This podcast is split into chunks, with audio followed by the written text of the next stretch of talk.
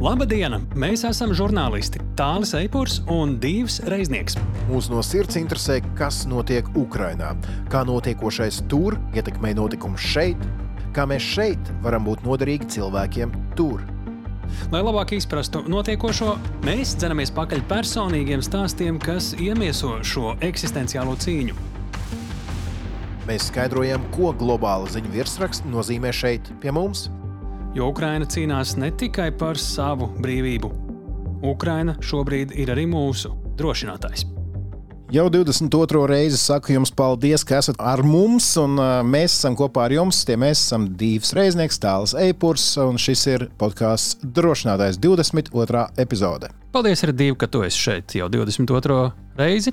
Un raidieraksts drošinātājs dodas uzreiz taisnā ceļā iekšā mūsu tematos. Tūlīt uzzināsiet, par ko šajā epizodē. Tātad tiem, kur mūs klausās pirmo reizi, mums ir lielā intervija. Tā parasti ir uh, podkāsta otrajā daļā. Pirmajā Jā. daļā mums ir pieslēgšanās Vašingtonai ar pasaules klases komentāru par esošajiem notikumiem, aktuālajiem. Šajā reizē es jums īpaši iesaku pievērst tiem uzmanību, un pa vidiņu mēs vēl šādas tādas aktualitātes apspriedīsim. Jā. Ko mēs spriedīsim? Centrālā intervija mums ir ar, jāsaka, tā īstu kara Ukrainā zvaigzni, slavenību, visā pasaulē zināma. Nu, ja tā drīkst vispār nu, teikt, ir. vai ne?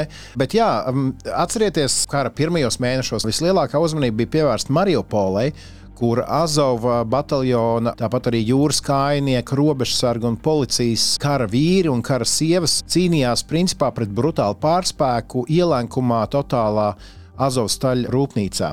Un visu pasauli piesaistīja kāda rudmataina meitene, kura kaut kādā melnā pagrabā dziedāja ārkārtīgi skaisti ievainotajiem biedriem. Pēc tam mēs uzzinājām, ka viņu sauc Kaķa Poļšķuka, un uh, viņas iesauka ir Pataška vai Putniņš, un saruna ar viņu būs uh, dzirdama uh, mūsu raidieraksta otrajā daļā.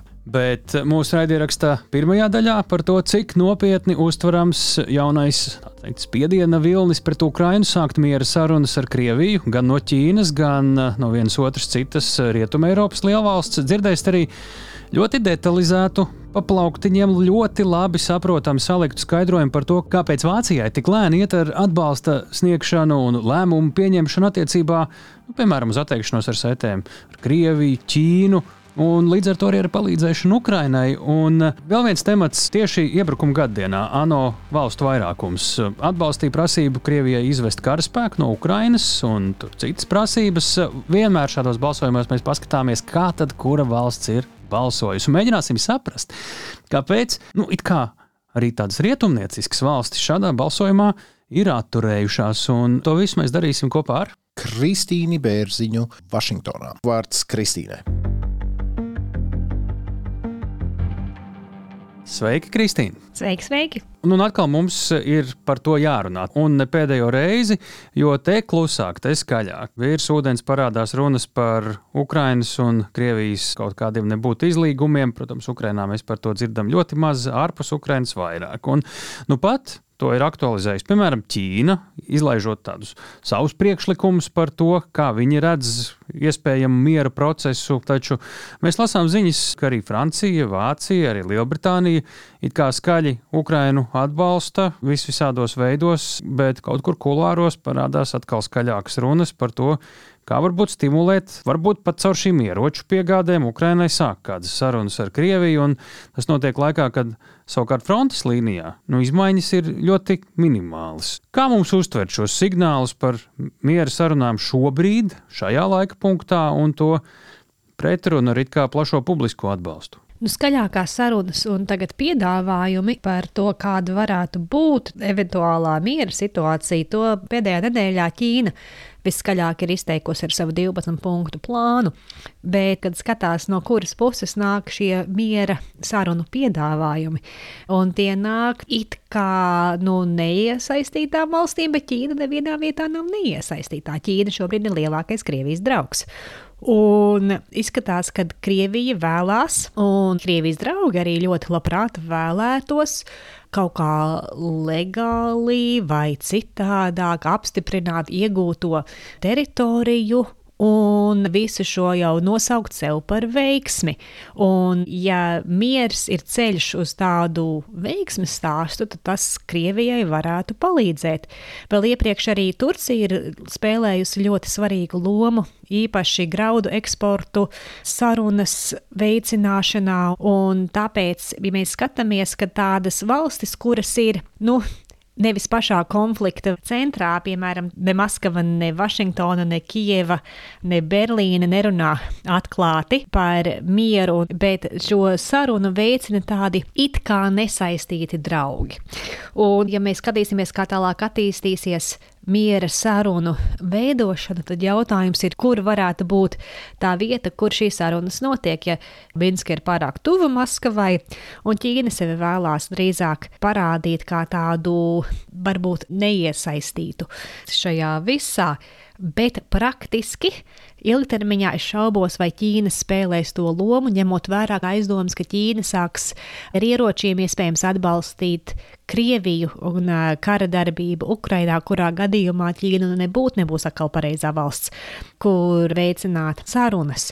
Tādēļ par to var turpināt runāt, bet nav vēl pareizā puse pienākusi. Jautājums ir, ko Anno ceļā var darīt, kur ir pareizie ceļi starp Kijevu un Maskavu, bet pārāk nopietni, man liekas, nav jāuzsver Ķīnas tagad vēlmi veicināt miera sarunas. Tas drīzāk liecina par to, ka Ķīna grib izskatīties pasaules acīs, īpaši Āzijā, Āfrikā, Dienvidamerikā, kā racionālā valsts, kur mēģina tagad ieviest mieru starp rietumiem un starp Krieviju, kuru tagad cenšas veicināt karu. Tas Ķīnai tieši palīdzēs gan ekonomiski, gan diplomātiski. Ķīna sevi tādu parādīs pasaules acīs. Protams, Eiropā to neuztver par nopietnu, Amerikā to neuztver par nopietnu, bet Āfrikā varbūt tas arguments varētu būt saistošāks. Bet, ja mainās Ķīnas loma konfliktā, tad mainās arī pēc tam Ķīnas diplomātiskās iespējas tālāk kaut ko veicināt. Nu, un vēl ir Eiropa. Tās ir pamatotas aizkulisku skaņas par to pašu Vāciju, Franciju vai Tās ir kārtējie uzplaiksnījumi, kuri uznāk un pāriet. Protams, ka Vācijā un Francijā ir vēlme rast risinājumu, tāpat arī Amerikā ir vēlme rast risinājumu un tikt līdz miera stāvoklim un līdz normālākai situācijai. Tas, vai tiešām sagaida šajās galvaspilsētās, ka būs iespējams tur nokļūt tuvākā laikā, par to es nopietni šaubos lielajās Rietumēropas valstīs ir ļoti liela daļa no sabiedrības, kura vēlās mieru, mieru pēc, un kara stāvoklis ir vienkārši nepieņemams principā. Un tādā ziņā varbūt ir ļoti izdevīgi valdībām runāt par to, ka jābūt svarīgi arī nokļūt miera stāvoklī Eiropā tad tās varētu būt tādas iekšpolitiski vērstas runas, lai izskatītos, ka viņi mēģina vairāk, nevis reāli kaut kādu mēģinājumu. Bet tas absolūti palīdzētu. Tas absolūti palīdzētu, bet man liekas, ka neviens tagad nopietni nesagaida, ka varētu būt pie pašreizējā stāvokļa nopietnas miera runas. Ejam pie nākamā jautājuma. Skatāmies uz Vāciju. Te mūsu uzmanību pievērs stāsts par izslavēto Caitenvendi, jeb latviešu valodā to varētu saukt par ēras maiņu. Ļoti jau agri pēc Krievijas iebrukuma Vācija ar to nāca klajā par 100 miljārdu eiro finansējumu militārajām vajadzībām. Šalts paziņoja, šobrīd, kad eksperti paskatās, kas tad no tā visa šobrīd sanācis, neko lielu vai vismaz tik lielu, neviens nevar ieraudzīt.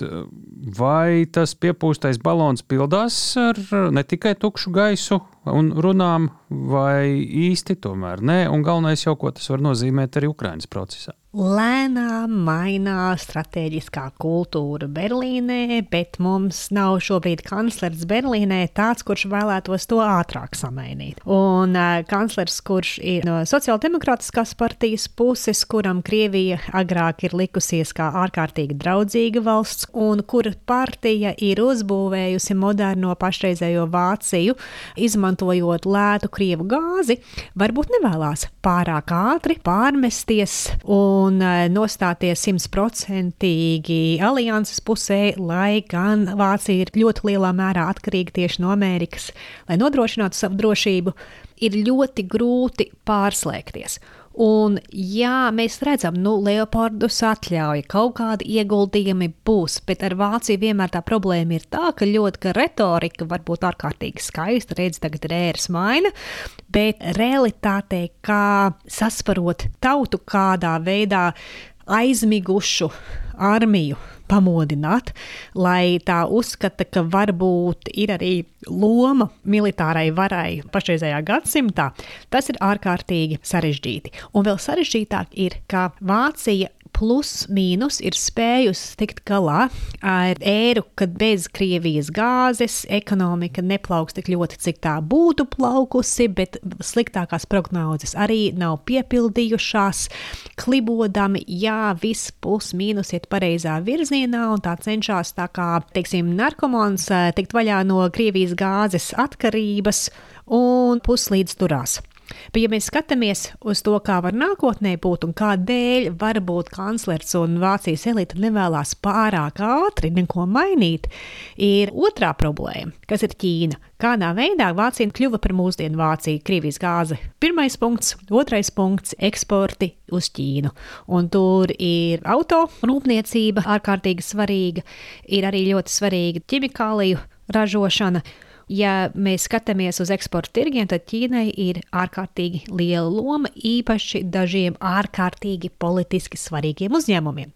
Un ja Ķīna tagad metīsies arvien vairāk Krievijas pusē, tad, ja Vācija varēja plus mīnus izturēt jauno ēru bez Krievijas, tad jautājums ir, vai Vācija varētu arī tikpat stingri savu nostāju noteikti pret Ķīnu, un tur gan retorika ir ārkārtīgi atšķirīga. Bet, ja ir ceitenvendi, ja ir ēras maiņa, ja Ķīna tagad atklās sevi daudz vairāk Krievijas pusē, gluži vienkārši Vācija vēl nav gatava ekonomiski to pieņemt. Un tas varētu būt ārkārtīgi sarežģīti visai aliansē, ja? tāpēc ka Vācija gribētu lēnāk, mierīgāk, prātīgāk un apgāzt abus ekonomikas principus lielākos varētu būt ārkārtīgi grūti. Vācija acīm redzot nevēlas to darīt, bet vai situācija vai Ķīna varētu piespiest Vācijai rīkoties agresīvāk un ātrāk nekā tā vēlētos, nu tas ir iespējams. Un tāpēc, jā, lietas mainās, ir saprašana, ka nevar tā kā iepriekš, bet tā realitāte, cik tas maksās, cik tas būs grūti un tīri psiholoģiski pārmesties citā, nu pavisam citā gadsimtā un saprast to, ka tas, kā Vācija ir rīkojusies, ka pirmkārt princips, ka ka mainīsies politika citur, ja ar to zemi veiks tirdzniecību. Tas bija Mandeldor Handel princips, kurš bija milzīgs politiskais princips, ka tas nestrādāja ne ar Krieviju, tas nestrādās ne ar Ķīnu, ka tagad visu tagad ir jāpārveido, jāizdomā no jauna, bet tikmēr darbus tomēr vajag vēl joprojām uzturēt Vācijā, izaugsmu kaut kādu vajag kā tagad tālāk rīkoties. Un tāpēc ir jāsaprot, Vācijas, gan Leopardu sarunu, gan pārējās ar to milzīgo izaicinājumu, kas Vācijai būs izpildīt šo ceitenvendi, ēras maiņu. Realitātei Vācija negrib savu ekonomiku, savu politiku veidot. Pasaule Vācijai tagad piespiež izdomāt pavisam jaunu politiku. Šobrīd Vācijā tiek apspriesta pirmā strateģiskā nacionālā drošības stratēģija. Tāda nekad nav modernajā Vācijā uzrakstīta. Nekad Vācija nav izdomājusi, kā tagad veicināt, kā ievirzīt savu strateģisko kultūru. Par to notiek tagad mēnešiem garas diskusijas. Vācija nav līdz šim bijusi gatava risināt šīs dienas politiskās globālās problēmas, un Vācijas stiprākie, teiksim, pēdiņās ieroči, ekonomiskie līdzekļi, lai izdabātu citām autoritārām lielvarām, nestrādā mūsdienu apstākļos, un Vācija vēl nav izdomājusi savu pareizo ceļu, kā nesabrukt un veiksmīgi izgrozīties mūsdienu pasaulē. Un tas nozīmē, ka tas būs lēnām. Tas nozīmē, ka no Vācijas vienmēr vairāk sagaida, nekā Vācija ir mieru dot, un Vācija vienmēr lēnāk rīkojās, nekā mēs visi to vēlētos, īpaši Ukraiņas jautājumā. Šīs, man liekas, mūsu podkāstu vēsturē bija visdziļākais skaidrojums par to Vācijas sajūtu, Vācijas virzienu, dziļumu, lielumu problēmas. Un tas nav tikai par lēmumu, mēs gribam vai negribam palīdzēt Ukrainai. Tas ir daudz, daudz, daudz plašāk.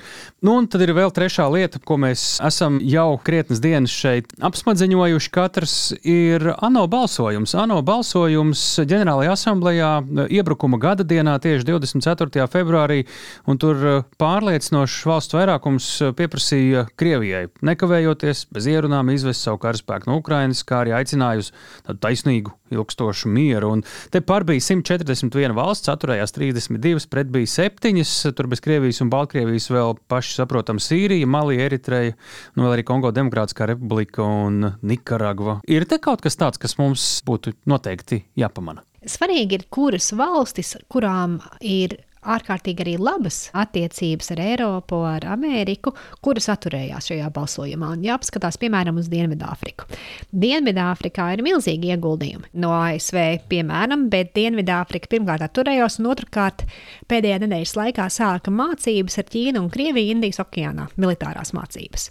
Tas no dienas nerāda ne tikai atturēšanos, bet arī tādu strateģisku nostāju šajā brīdī ļoti tādā pro-krieviskā virzienā. Un ir jautājums par to, cik ļoti tagad Krievija atpelna atbalstu, kura Krievija deva tolaik vēl koloniāli apspiestām Āfrikas valstīm. Ir ļoti grūti daudzās Āfrikas valstīs saprast to, kā Krievija varētu būt imperiāla vara, ja Krievija bija tā valsts, kura toreiz Padomju Savienība atbalstīja Āfrikas valstis cīņā pret Eiropas koloniālām varām. Tātad pret Lielbritāniju, pret Franciju. Tās bija tās lielās, ļaunās, nospiedošās valstis, pret kurām bija jācīnās, un Maskava toreiz palīdzēja un arī izveidoja attiecības arī virsnieku kārtās ar Krievijas virsniekiem un Dienvidāfrikas virsniekiem. Tas ir ārkārtīgi svarīgi, un tie bija ieguldījumi, kurus Maskava veica toreiz, kuri šobrīd nenormāli atmaksājās. Un ir grūti, cik es saprotu, Āfrikā un citur pasaulē, Dienvidamerikā izskaidrot, kā Krievija varētu būt agresors, ka Krievija varētu nospiest mazākās valstis, tāpēc ka Krievijas loma šajās valstīs agrāk bija ārkārtīgi atšķirīga. Vēsture šobrīd ir tāds klupšanas akmens. Nav no svāra varbūt cik šobrīd iegulda, bet tāda sajūta, ka nu, toreiz, kad mums bija grūti, Krievija nāca mums palīgā, un vai mēs tiešām tagad ticam Londonai par to, kas notiek eh, Kijevā, varbūt mēs labāk ticēsim saviem draugiem. Un tas šobrīd arī nosaka, man liekas, tieši atturēšanās balsis. Arī tās valsts, kuras saka, o, nu, nopērts man, kurš man vairāk tagad iedos, Krievija, Ķīna vai, vai Eiropa, ASV. Es balsošu tā kā nu, pēc kabatas, bet bieži tas jautājums arī ir dziļāks. Tas ir tieši par vēsturi un par to, kas bija Padomju Savienība Āfrikā, Dienvidamerikā, Āzijā un daudzu valstu neatkarība neatkarības karos un centienos neatkarībai no Francijas, no Lielbritānijas. Un ka šobrīd vēl joprojām Maskavai ir tāda revolucionāra, morāli tiesiska reputācija, lai gan tā šobrīd ir pavisam nepamatota. Un tālūk ir dažādas realitātes. Nu jā, kaut vai paskatāmies uz Dienvidāfrikai kaimiņos esošo Namībiju, kur ir cietusi genocīdā no Vācijas, un to stāstu vēl ir daudz. Tas Dienvidāfrikas piemērs iespējams ir spilgtākais, bet ir vēl par katru valsti tur gandrīz kaut ko līdzīgā virzienā izstāstīt. Kristīna, jāsaka tev liels paldies par dziļo ekspertīzi visos trijos jautājumos. Mēs gaidām tevi atkal drošinātājā pēc nedēļas. Paldies un uz tikšanos! Paldies, Kristīne! Paldies arī tev, Tāli, par šo sarunu. Jā, un paldies arī, ka jūs uh, klausījāties šo sarunu. Es saku, jūs esat tie, kuri klausās uh, raidierakstu tieši privileģēti, jo šim raidierakstam ir arī ētera versija Latvijas Radio 1, un nu, tur izskan labas lietas, bet ne visas. Nu, piemēram, šis Kristīnas komentārs tur bija tikai daļēji, un visi peripētī līkloči ap Dienvidāfriku vai vispār Āfrikas valstīm. Nu, tā ir tikai jums raidierakstu klausītājiem. Tā kā jā, tad, kad jums kāds tūlīt zvanīs un teiks, ej, es Latvijas radio dzirdēju Kristīnu Bērziņu tik fantastiski, ir saturīgi un saprotami komentāri. Jūs sakat, Ha, re, kur links paklausiet podkāstā, tur ir Kristīna vairāk. Bet mēs arī gribam vairāk parunāt, jo ir nākuši klāt vēl notikumi, kuri būtu apspriežami, un tas viens no stāstiem ir tepat mums cieši blakus Somijā. Jā, jāatklāj, jāatklāj vienkārši lieta. Mums parasti tēmu, ko pārunāt ar Kristīnu, ir krietni vairāk nekā trīs, pie kurām mēs parasti pieturamies, lai nesnāk tā bezgalība. Un tā viena no tēmām ir Somija šonadēļ veids ļoti interesantu balsojumu. Tātad Somija un Zviedrija grib iestāties NATO. Kā kaimiņienes un labas draudzenes, viņas to grib darīt sadavušās rokās vienlaicīgi. Līdz šim gribēja. Jā, bet problēma ir tā, ka, lai iestātos NATO, jau esošajām dalību valstīm vienbalsīgi ir jāatbalsta jauno iestāšanās. Un te ir viena problēma, precīzāk, pat divas - Turcija un Ungārija. Ungārija šobrīd man nu, ir tāda sajūta, ka viņi Tirgojas. Tirgojas, jā. Savukārt Turkiem ir jau tāda krietni konkrētāka pretenzija pret Zviedriju. Kurdu lieta? Proti, kurdu lieta, jā, Zviedrijā dzīvo gana daudz turki un kurdi, kuri darbojas pret esošo Turcijas režīmu, un turkiem, protams, tas nepatīk. Ko tas nozīmē? Tas nozīmē, ka pret Somiju tās pretenzijas ir mazāk, pret Zviedriju vairāk. Somijam tas nozīmē, ka viņiem ir izvēle, vai mums gaidīt, kamēr Zviedri atrisinās savas problēmas ar turkiem, vai mums tomēr iet vieniem pašiem. Te, ja gribam, paskatāmies atkal kartē, kuram ir lielā robeža, vairāk nekā 1000 km gara ar Krieviju. Jā, tie ir Somi. Un uh, Somijam šajā nedēļā ir interesants balsojums. Balsojums par to, ka mēs dodam Zviedrijam deadline, cik tur mēnesis laikam sanāk. Vai nu jūs atrisināt savas problēmas ar turkiem, vai arī mēs ejam uz NATO vien paši un negaidām jūs. Šis balsojums saņēma absolūtu atbalstu parlamentā. Respektīvi, Somijas parlaments ir atbalstījis valsts iestāšanos NATO. Tieši tā, un ja mēs skatāmies uz visu šo trādu rīdi ap uh, NATO paplašināšanos, tad tur ir vairāk svarīgi datumi. Tātad Somija gribēja balsot tagad, jo 2. aprīlī viņiem jaunas vēlēšanas, viņi negrib asāt nākamajam, nezinu, kam, ko ievēlēs tur parlamentā šo balsojumu. Savukārt NATO samits, kad būtu forši, ja šīs abas valstis iestātos 11. jūlijā. Savukārt Turcijā vēlēšanas ir 18. jūnijā, un tā runā, un arī mūsu Kristīna Bērziņa šo te ir iepriekš minējusi, ka visdrīzāk ka Turki piekāpsies pēc tam, kad būs notikušas viņu vēlēšanas. Līdz ar to tur ir trīs loks, nedēļas, apmēram, trīs, nedēļu, trīs nedēļu lokus starp vēlēšanām Turcijā un NATO samitu jūlijā, kad šis process varētu notikt ļoti ātri. Savukārt, kas ir Zviedrija? Interesanti. Zviedrijai bija sarunas gan ar Ungāriem, gan Turkiem, bet tās bija apstājušās, un nu viņi ir spēruši soli pretī Turcijai. Un pirmo reizi vēsturē pieņems likumu par to, ka būs nelegāli iesaistīties, atbalstīt vai kā citādi sadarboties ar teroristiskām organizācijām kas starptautiskā izpratnē ir arī šī kurdu organizācija. Un, uh, to viņi par šo lēmumu spriedīs 9. martā, un kad atsāksies sarunas ar Turciju un Ungāriju. Es minēšu. Uzmini! 9. 9. martā. Jā. 9. martā tieši tā. Tā kā principā te ir jāņem rokā kalendārs vai kalkulators, vai, vai kalkulators un teiku, balta lapa, kā man šobrīd patiesībā ir tieši priekšā man sarakstītie datumi, lai saprastu un neapjuktu. Jā, katrā ziņā interesanti. Vēl viena lieta, ko varbūt neiedziļināsimies, jo es atvainojos tiem, kuri gaida Taškas interviju, ka mēs te tik daudz varbūt runājam par tām aktuālajām lietām, bet es nevaru iet tālāk, ja mēs nepieminam pavisam īsi brīdi Moldovu. Moldovu šajā nedēļā mēs redzējām atkal jaunus protestus, un tur tiek vilktas ļoti lielas paralēles ar notikumiem Ukrajinā 14. gadā. Šī noteikti ir atsevišķa tēma, bet noteikti sekojam līdzi, kas notiek Moldovā. Mēs esam runājuši iepriekš un turpināsim par to runāt. Katrā ziņā tur nekas nav apstājies, nekas nav nomierinājies, situācija ir sakaitēta. Nu, tagad gan ķeramies klāt lielajai intervijai. Te īpaši paldies mūsu Latvijas radio četri kolēģiem. Jā, ir pirmo reizi viesizrāde. Mēs esam uzticējuši intervēšanas sadaļu mūsu kolēģiem. Mēs esam atlaiduši. Ja, Jā ja jūs esat varbūt vairāk Latvijas radio četri auditorija, tad ziniet, ka podkāstu drošinātājs arī tur ir atsevišķā nosaukumā. Tur arī ir lielākā daļa tieši mūsu satura. Un šajā gadījumā viņi savukārt izlīdzēja ar saturu mums. Un uh, Dīvs šai intervijai ir izurbies ļoti rūpīgi cauri. Visu cieņu, tulkošana ukraiņu valodas ir mūsu uh, ne pirmo reizi. Spēcīgākā bet, puse. Jā, un uh, nu, Dīvs pastāstīja ar sirdi un dvēselēs tagad iedziļinājies tajā intervijā. Nu, kas ir tas, ko vēl pirms tās arī klausītājiem būtu jāzina, jāņem vērā, lai tā intervija kļūtu saprotamāka? Jā, nu katrā ziņā, kad uh, mūsu kolēģi Ludmila Pilipa, um, kur pati ir ukrainiete un kura darbu Latvijas rādio uzsāka pēc šī 24. februāra jau pārcēlās uz šejienu. Viņi mums piedāvāja šo interviju, un mēs nevarējām atteikties, jo es noteikti, un arī ļoti daudz no jums noteikti bija pamanījuši kara sākumā šo nevainīgā paskata meiteni, kur bilde negāja kopā ar to situāciju. Jo, principā, tu redzēji tādu nevainīgu bērnu acis, sarkanmataina meitene, tīnis kaut kādā pagrabā kopā ar ievainotajiem zinot, ka visapkārt ir krievi, kuri mēģina tevi nogalināt, un viņi dzied kā tāds eņģelis.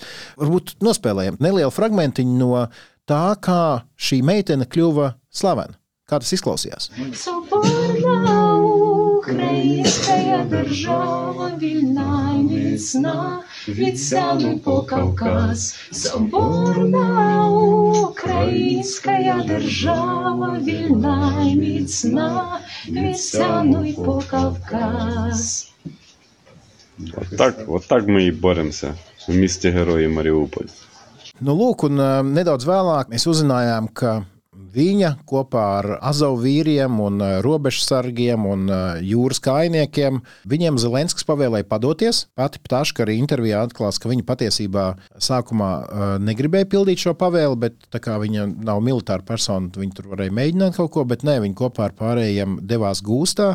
Viņa ir atbrīvota. Un tagad viņa patiesībā šo savu atpazīstamību izmanto dažādos veidos, lai atgādinātu par karu, lai stāstītu par savu pieredzi. Un, uh, mums ir liels prieks jums arī piedāvāt sarunu par to, kā viņi vispār nokļuva šajā Azovstaļu rūpnīcā. Un patiesībā jā, viņa nav militāra persona, viņa ir mediķe. Brīvprātīgā, un 24. februāris nebūtu nebija tas datums, kad viņa sāk ar šo nodarboties. Viņas uh, pieredze, kauju pieredze, ir jau nedaudz lielāka. Bet par to, lai stāsta viņa pati.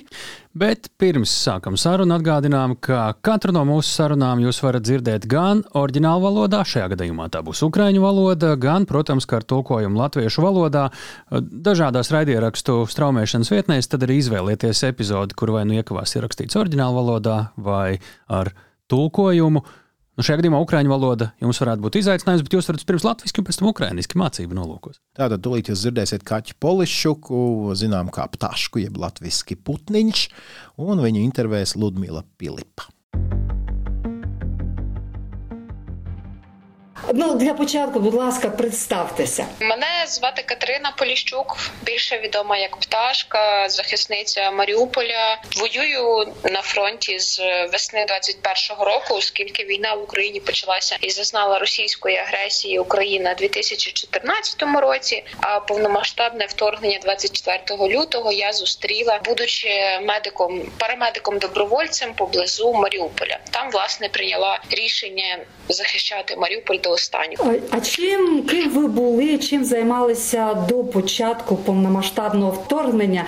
Ну, взагалі, я е, коли війна почалася, мені було 13 років, і я вже тоді розуміла, що я піду воювати. От але я вирішила здобути освіту, яка мені подобається, не пов'язана з військовою справою. І я вчилась на академічну співвокалістку. І після того я закінчила навчання. Ну я ще паралельно з навчанням працювала в мотогоночній музичній команді, займалась волонтерством.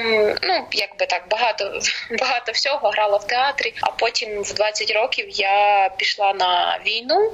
Е, на спочатку це було півроку Луганщина, потім півроку Донеччина, і почалась почалось повномасштабне вторгнення. Тобто ви на мотоциклах е, займалися? Так, я ну взагалі я е, адміністратор мотогоночної команди, але сама я теж їжджу. А ну подобається? О, звичайно, це цікаво цікаво. Але е, пташко, ви пішли воювати ще раніше, допомагати як парамедик. Але після 24 лютого як змінилося ваше життя? Взагалі, в нас загострення по фронту почалися 16 е, лютого, тому моє життя змінилося вже 16 лютого. 19 лютого я отримала свою першу контузію. От тому, в принципі, в мене війна почалась трошки раніше. Е, стало, звісно, активніше по фронту, тому що до того була окопна війна, е, тобто позиційна позиції не змінювалися довгий час. А ми вже собі обжилися, було спокійно. Ну як спокійно мається на увазі порівнянні з, з Маріуполем. Звісно, що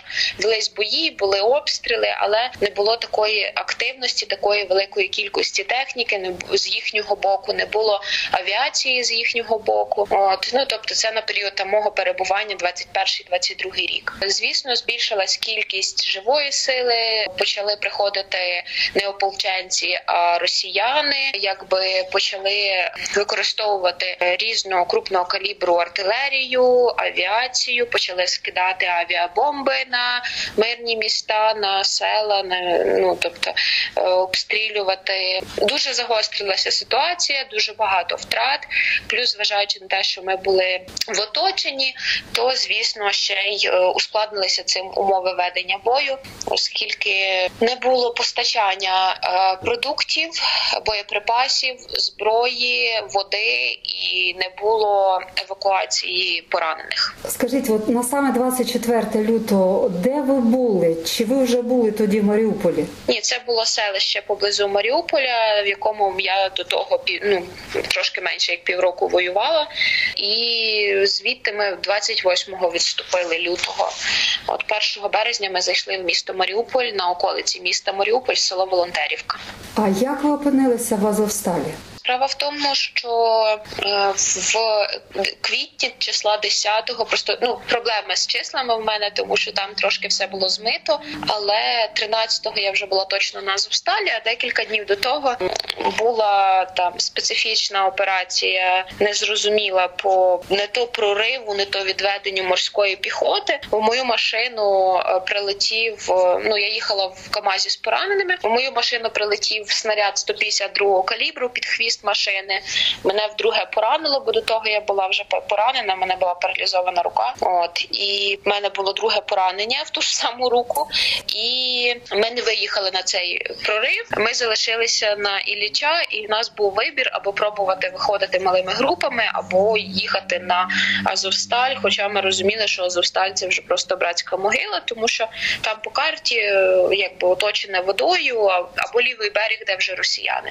От але я прийняла прийняла рішення йти, тому що е, в мене були поранені, і я собі подумала, що я просто не пробачу, якщо я залишу, якщо я залишу поранених, а сама дійду додому і буду там спокійно жити. Тобто я вирішила, що я краще загину в бою, ніж я потім стану самогубцем, який собі не пробачить те, що залишив побратимів. Як була організована медична служба на Азовсталі? Там же бракувало, мабуть, і медикаментів, і різних е, матеріалів. Е, як ви надавали допомогу пораненим? Адже ви, як тільки що мені сказали, що ви взяли тих поранених, привезли на Азовсталь, а на Азовсталь, а там були вже інші. Так, звичайно, справа в тому, що на Азовсталі було багато бункерів. Ми всі уявляють, що Азовсталь це один великий бункер. Насправді Азовсталь це багато, багато безліч підземних тунелів, ходів, бункерів. Це величезна бункерна система. Це там, по-моєму, один з двох найбільших підземних е, комбінатів в Україні точно, але я не знаю з приводу в Європі. Тобто я щось чула, що Азовсталь дуже дуже дуже великий. Я тобто, навіть я особисто я там була, я не усвідомлюю до кінця розмірів, тому що збагнути масштаби Азовсталі було складно. От і тому на кожному бункері жила різна кількість людей, починаючи від 30, закінчуючи там п'ятьма-шістьма сотнями. Тому були був у нас е, шпиталь де проводилися операції, де були е, медики з військового шпиталю. От туди, звісно ж, всі там залишки медикаментів, які були збережені, всі туди відвозилися. Гвинтокрили, які прилітали, привозили медикаменти там ще в березні місяці. Е, вони теж туди на госпіталь. А в нас я була е, там медиків було дуже мало. Мені так трапилося, що довелося працювати там по 20 і більше годин на добу лівою рукою. Це все було тільки в мене ліва теж була поранена, але вона рухалася. Хоча от і ну як як сказати, де брали матеріали, хлопці ходили там. Ті, хто були легко поранені, чи ну чи більш-менш зажили, вони ходили по по ангарах, по офісах Азовсталі і шукали аптечки. А в аптечках були е, індивідуальні перев'язувальні пакети, йод, зеленка і перекись. Але перекись там була е, найновіша найновіша, яка там була, це в якої термін дії закінчився в 2015 році. Mm-hmm. А в основному це там був 2007-2008. Зрозуміло, але це було зрозуміло, що небезпечно ходити, шукати, але це для побратимів. Якісь випадки були, що у всього, людей... у всього в житті своя ціна. Зрозуміло, але якісь випадки було, що людина пішла, щоб для побратима знайти теж перев'язочний матеріал чи ту ж зеленку, а сам загинув. Звісно, такого бувало дуже багато. У всього своя ціна була. А чи була можливість, коли вже Азовсталь був ну не можна було вийти? Ну але якось чи можна було все таки вивести поранених? Чи якийсь коридор був, чи якась можливість все таки існувала, щоб вивести поранених? Ні, для поранених шансів не було жодних, е, тому що єдине там це, що можна було пробувати, це там групами двоє-троє людей в цивільному одязі, пробувати якось вибиратися. Але це було насправді там майже самогубство, тому що дуже дуже велика е, кількість фронту від 60 до 120 кілометрів фронту, і поранені просто не змогли би дійти. Плюс всі були знесилені, плюс велося дуже сильне спостереження, тому що нам сказали, що Путін дав наказ нікого живим з Маріуполя не випустити. Ну військових мається на увазі. От тому велося спостереження і вдень, і вночі. От і тому шансів військ... ну, військових вивести не було шансів жодних, оскільки я була цивільна. в мене був варіант вийти, тому що я парамедик доброволець, я не оформлена, я не є в лавах збройних сил України. Я воювала безкоштовно. Я знаю, тобто, я знаю парамедики безкоштовно. Я, до речі, зустріла недавно, коли повертаю їхала в Україну. Зустріла чотирьох парамедиків, які інструкторів, які їхали до Риги, і там будуть навчати наших ополченців Земер Сарзи, також щоб вони вміли знали, як себе в польових умовах надавати першу допомогу. Я думаю, що ви дуже ви би теж могли стати з таким досвідом, але чи дозволяють вам поранення зараз е, цим займатися? Я дуже багато займалася своєю рукою, оскільки це було питання. Ну я я прийняла там, що я загину, але це було питання того, що мені заважає паралізована рука повноцінно виконувати свої обов'язки.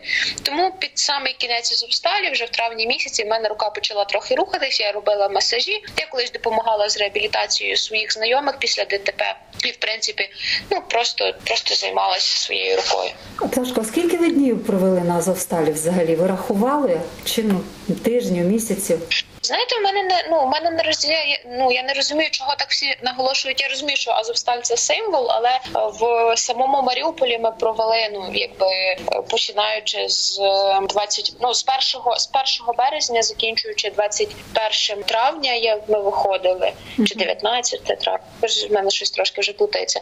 Але ну на Азовсталь я зайшла значно пізніше. Тобто до того велися міські бої, вони були не менш важкі ніж перебування на Азовсталі. І все таки за ці дні, за ці виходить майже три місяці. Можливо, якийсь день вам запам'ятався.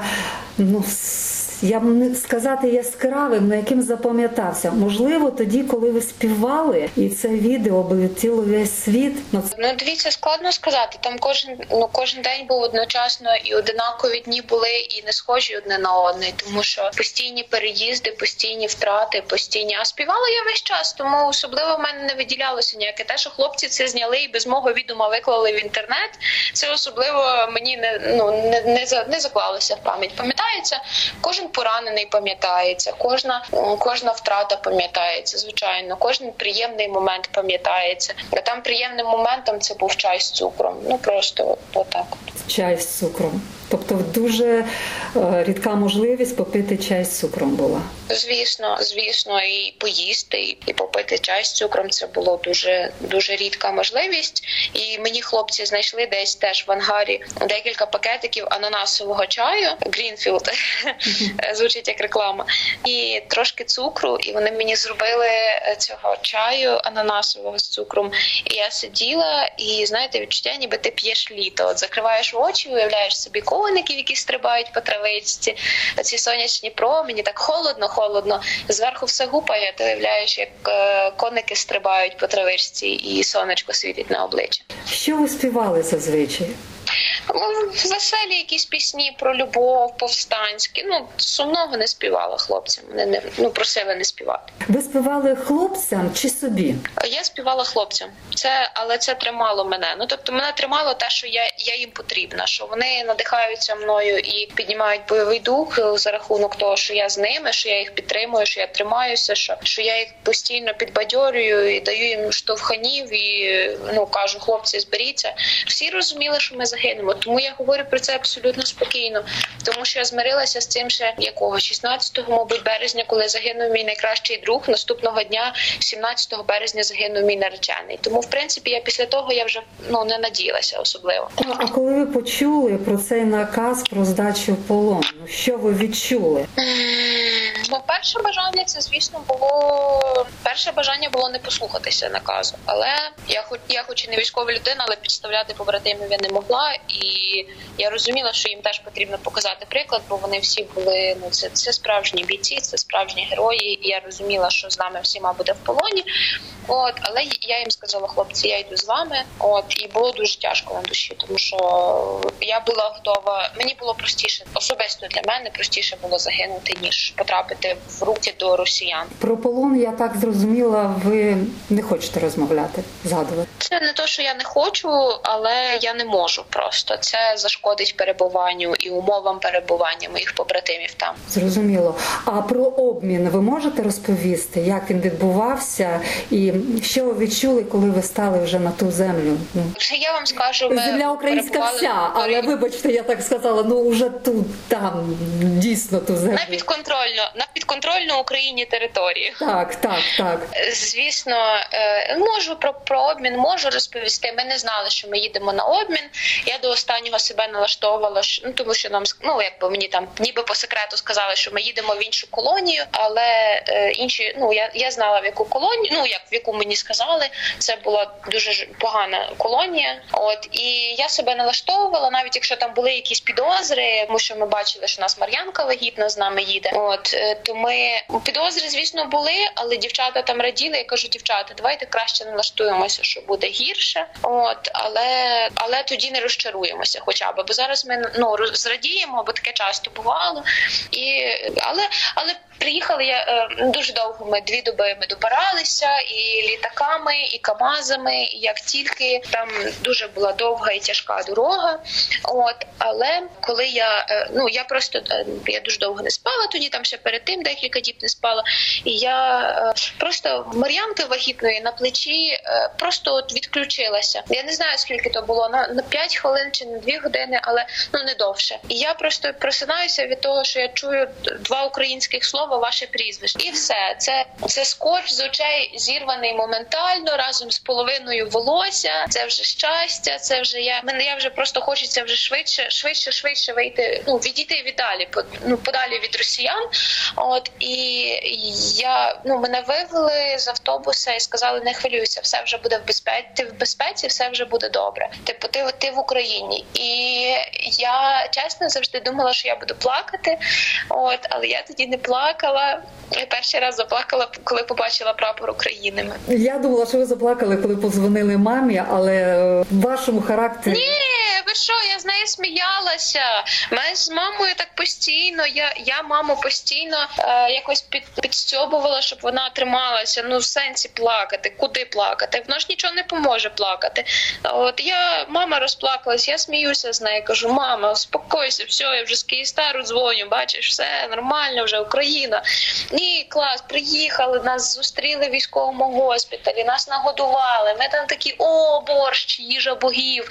Ну, взагалі класно. Зустріли нас, волонтери. Звісно, купа зразу попривозили. Асоціація сімей Азовсталі. Відразу нам багато речей. Національне інформаційне бюро. Дякую, велике їм, координаційний штаб. Всі відразу, всі відразу нас от на ручки, знаєте, і на обстеження. От тому, дяка Богу, досі тримають зв'язок, досі запитують, чи потрібно щось чи там з документами допомогли відновити, тому що росіяни не повернули документи.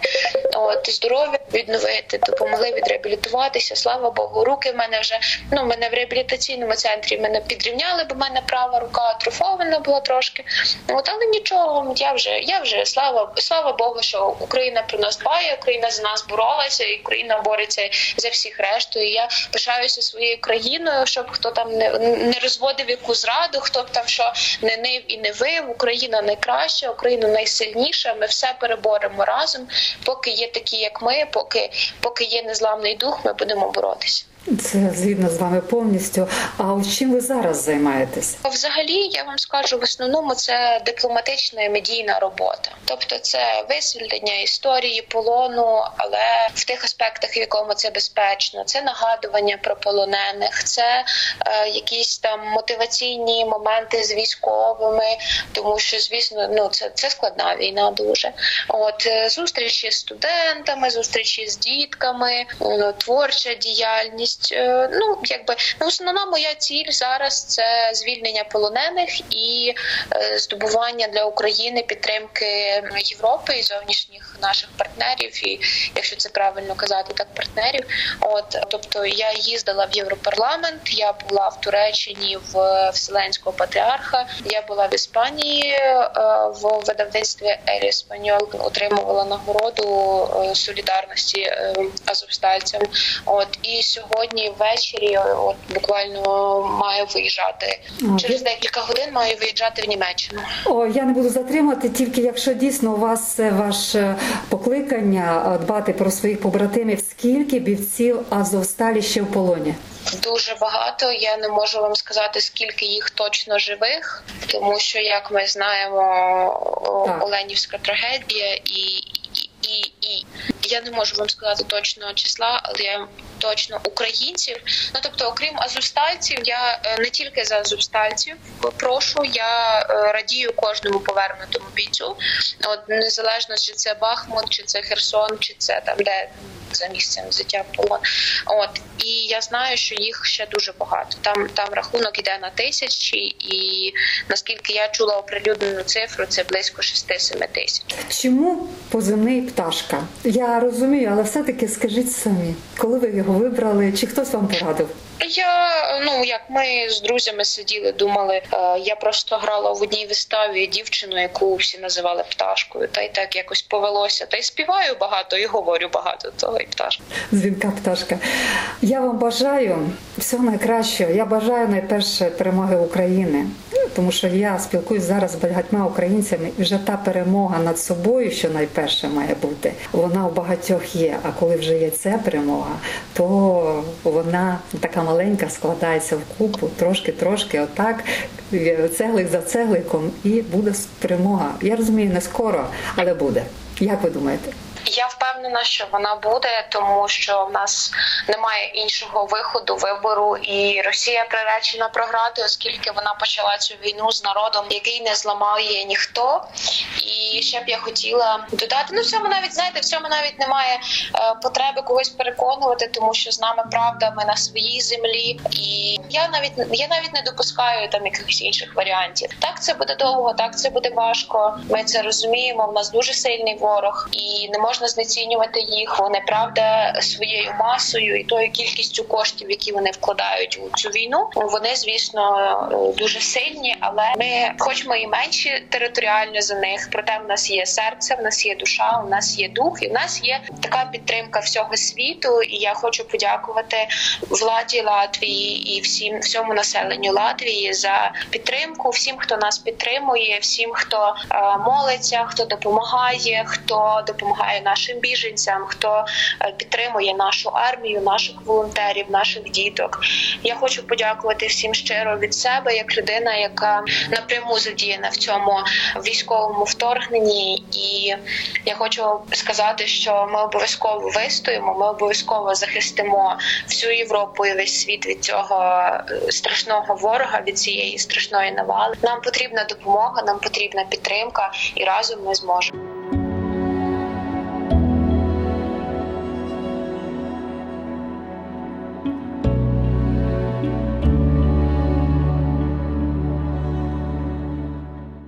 Liels paldies Putniņam, Ptaškai, Kaķai Polišķukai un, protams, Ludmilai Pilipai, kolēģiem no Latvijas Radio 4 kolēģei no Ukrainas. Ļoti, ļoti vērtīga atgriešanās gada un nedaudz mazāk senā vēsturē, bet Putniņš, Ptaška turpina savas aktivitātes. Jā, viņi, kā jau pieminēja, sarunā brauc uz Berlīni.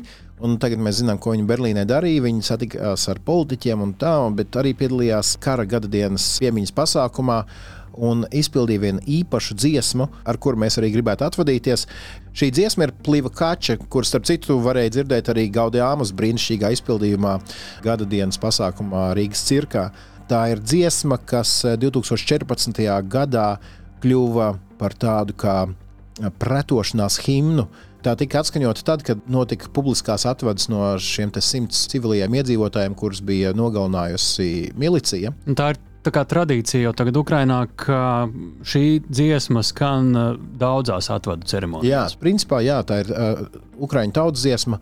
Atvadu dziesma, bērnu dziesma. Noteikti daudz redzētu video, kad Ukrainā ved kritušā karavīra zārku pa ceļu. Piemēram, viņa dzimtajā ciemā cilvēki ceļa malās nokrīt uz ceļiem, un ļoti bieži skan tieši pliva kača. Šis bija podkāsts Drošinātājs 22. epizode. Tiekamies jau pēc nedēļas. Rakstiet mums drošinātājs at Latvijas Rādio LV.